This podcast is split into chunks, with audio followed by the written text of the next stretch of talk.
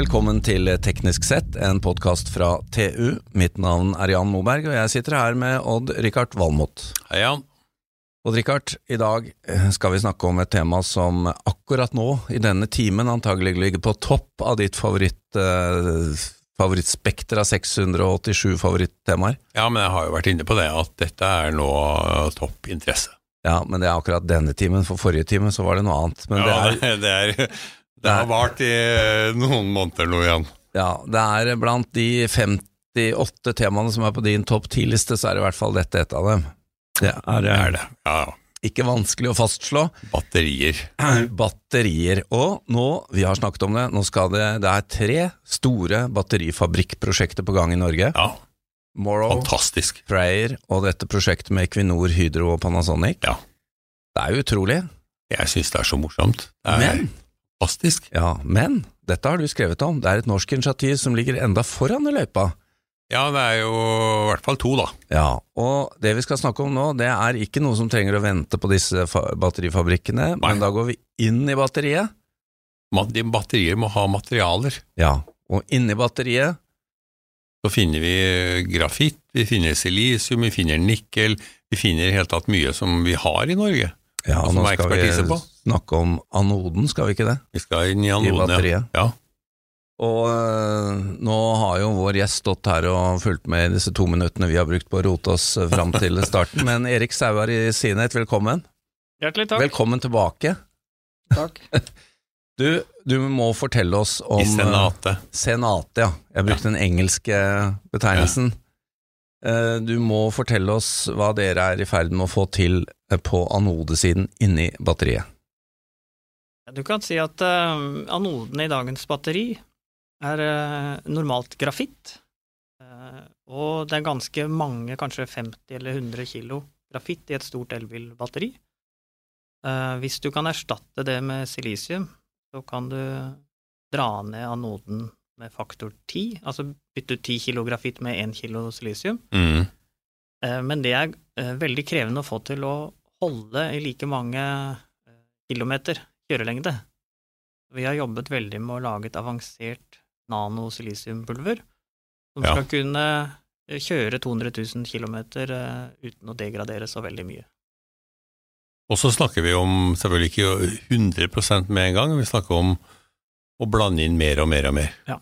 Og så må vi jo legge til da, at Elkem er på gang med en norsk eh, grafittfabrikk. Ja, det, eh, det er riktig, det har vi Ja. også snakket om. Men uh, dette er jo interessant fordi for oss um, uh, legfolk så tenker vi på et batteri som en ganske sånn ja, stille og rolig teknologi. Vi ser jo ikke at det foregår noe mekanisk. Men når dette brukes, så er det jo snakk om at det skjer noe inni der av ekspansjon og sammentrekninger. Mm. Og det er dette som er noe av utfordringen.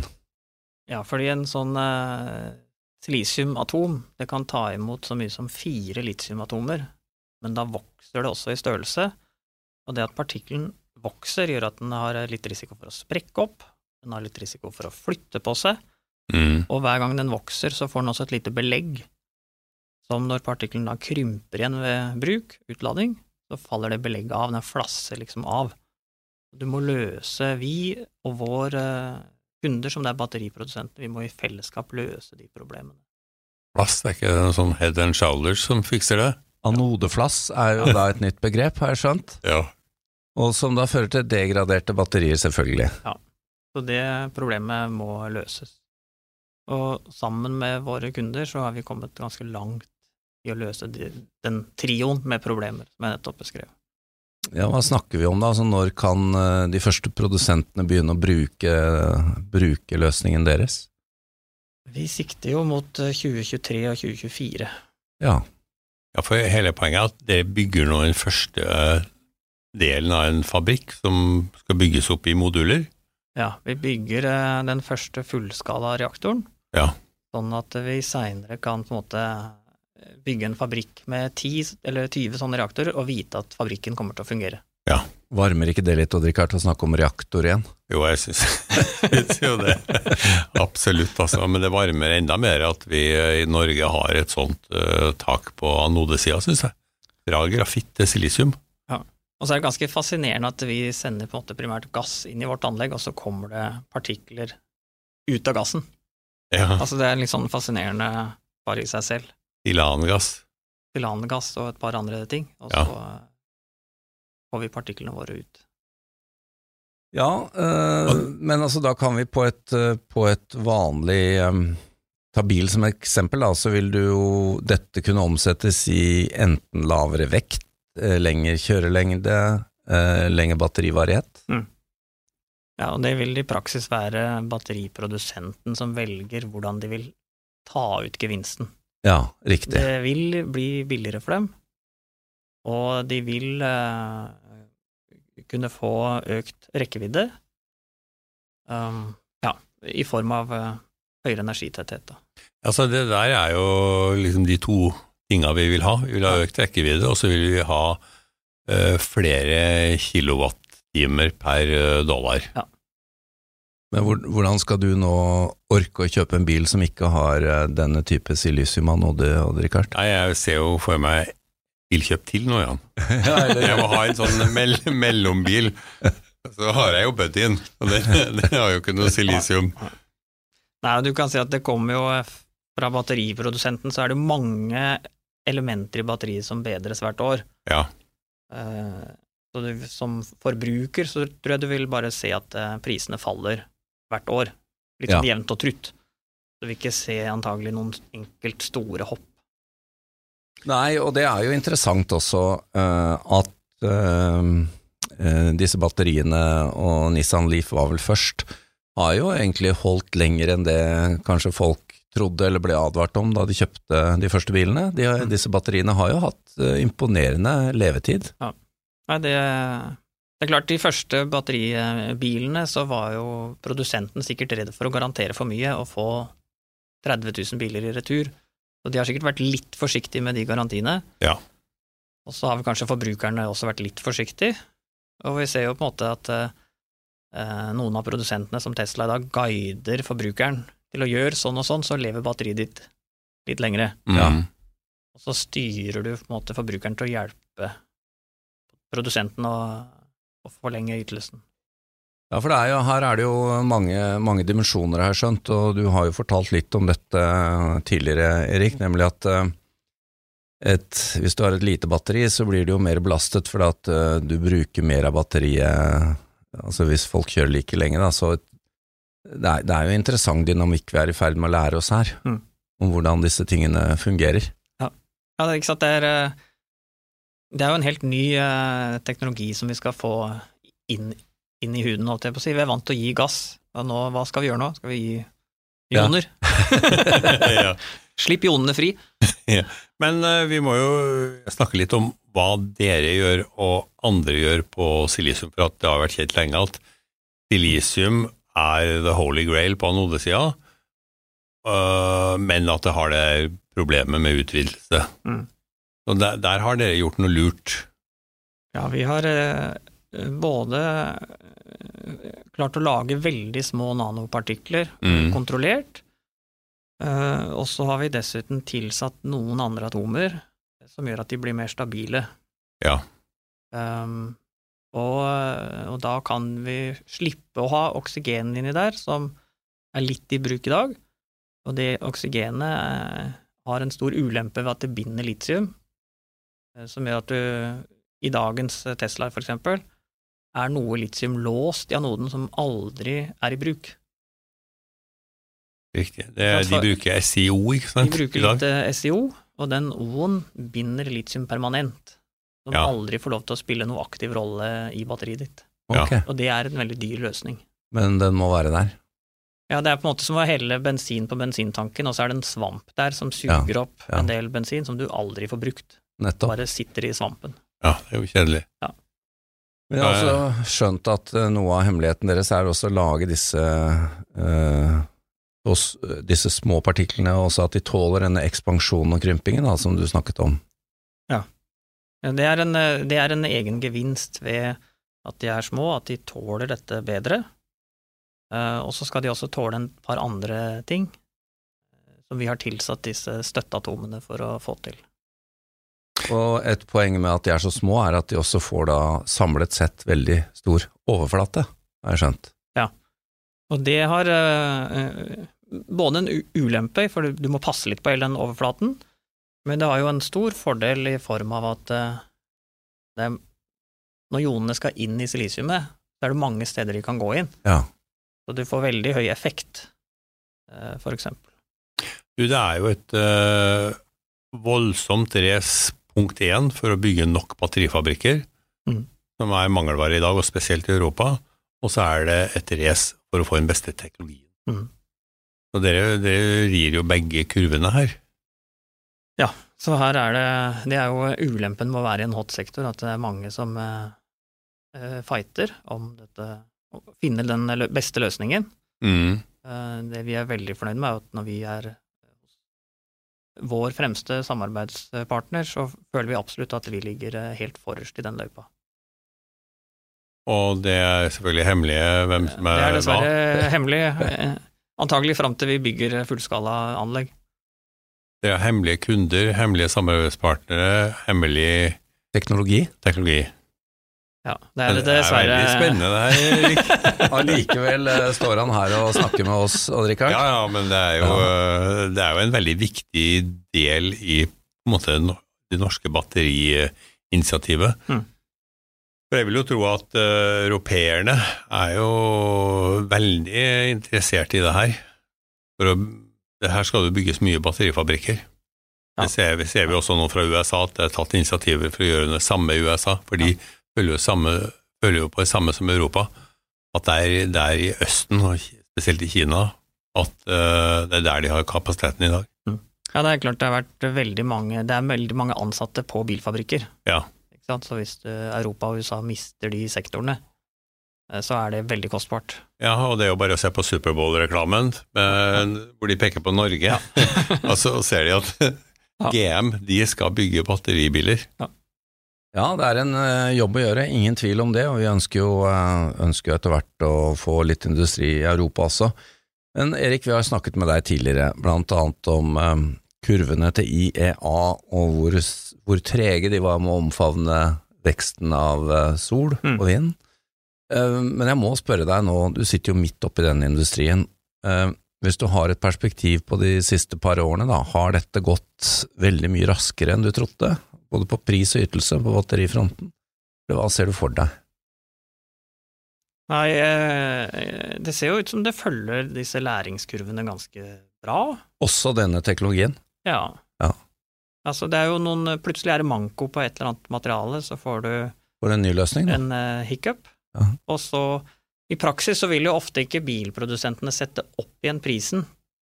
Så forbrukeren blir egentlig bare bedt om å vente og stå i kø ja.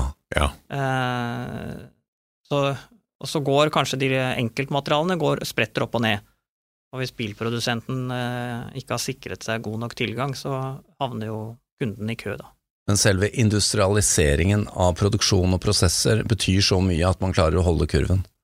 Det ser sånn ut. Ja. Det, og det er ikke noen god grunn til å ikke tro at man skal følge en sånn statistisk læringskurve ganske greit. Og Richard, du har jo fulgt uh, prisene per kilowatt eh, ganske tett i noen år? Ja, det er jo ganske dramatisk hvordan prisene har falt. Mm. Når Leafen kom, så lå det vel på rundt 800 dollar per kilowattime, og nå er det vel Det er mye hemmelighetskremmeri, ja, men det er mye som tyder på at de ligger eh, De nærmer seg 100 dollar, og de skal mm. vel ned til halv, halvparten av det igjen. Ja. Da, da, begynner batterier å bli billig, men ja. da snakker vi jo om ja, det er vel cellenivået, da.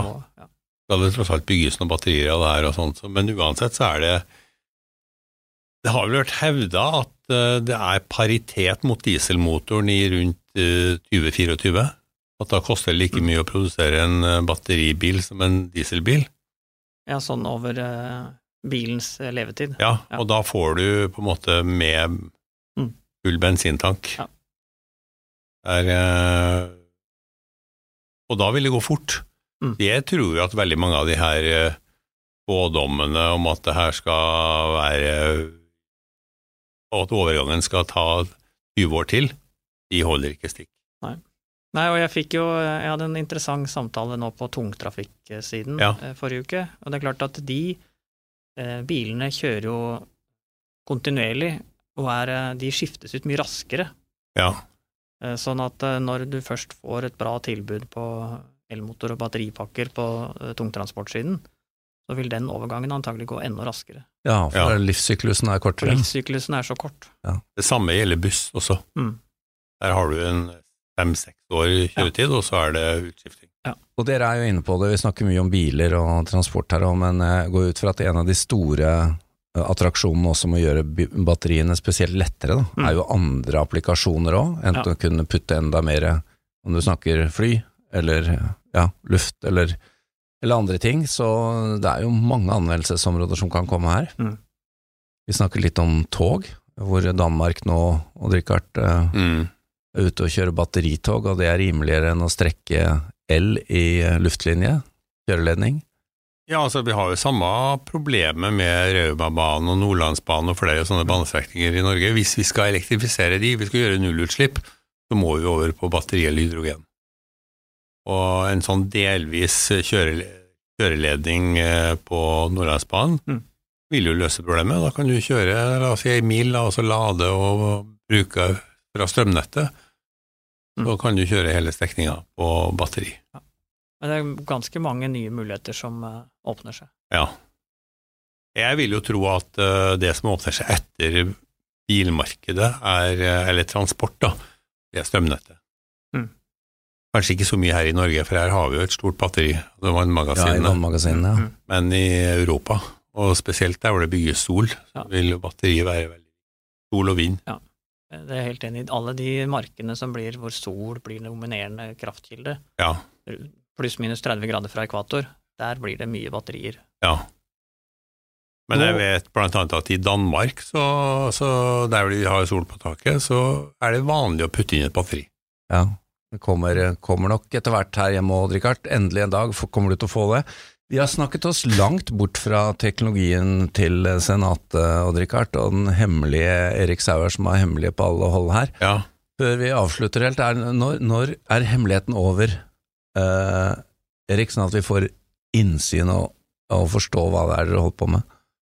Ja, nei, dette vil jo gå skritt for skritt, men eh, om et drøyt halvår til høsten så vil jo de første patentene begynne å bli offentlige. Ja, da, da får vi bare håpe da, Richard, at vi nok en gang viser oss som Norge, nasjonen som ligger i front. Det er bare å flytte putte rett inn i kalenderen med en gang, for det er, det er en dato på. Ja, ja, ja, det er Ja. dato på. Det, det skal vi, da skal vi være på pletten. Bare Du, gjør det, så kommer du tilbake til studio. det er en interessant ting du sa litt før sending her, og det er eh, hvor stor overflate det her eh, stoffet dere holder på med, har. Ja. Og det er, eh, det er en god del. Ja, ja, vi, er, eh, vi lager jo litt forskjellige pulvere, men vi er ofte over 50 kvadratmeter per gram. Ja. Eh, og da er det jo så mye overflate at selv eh, det at silisium oksiderer typisk 1 nanometer, Mm. eh, gjør at eh, eh, pulveret tar jo fyr. Eh, Hvis, hvis ikke vi passiverer det med en coating, Ja, akkurat. så selvantenner det. Gnistrer i luft. 50, eh, 50 kvadratmeter overflate per gram, Odd Rikard, det får jo oss til å virke kompakte. gjør det. Ja. det, Du, gjør det. eh, vi skulle gjerne snakket mye lenger, men uh, vi er nødt til å avslutte her, og uh, da booker vi ny dato, Erik, sånn at du kommer og forteller oss offisielt Ja, ja, ja. om hva det er vi har snakket om i dag. Takk til deg, Erik Sauer fra Senate. Takk til Odd-Rikard Valmot, vår produsent Sebastian Hagemo, og mitt navn er Jan Moberg.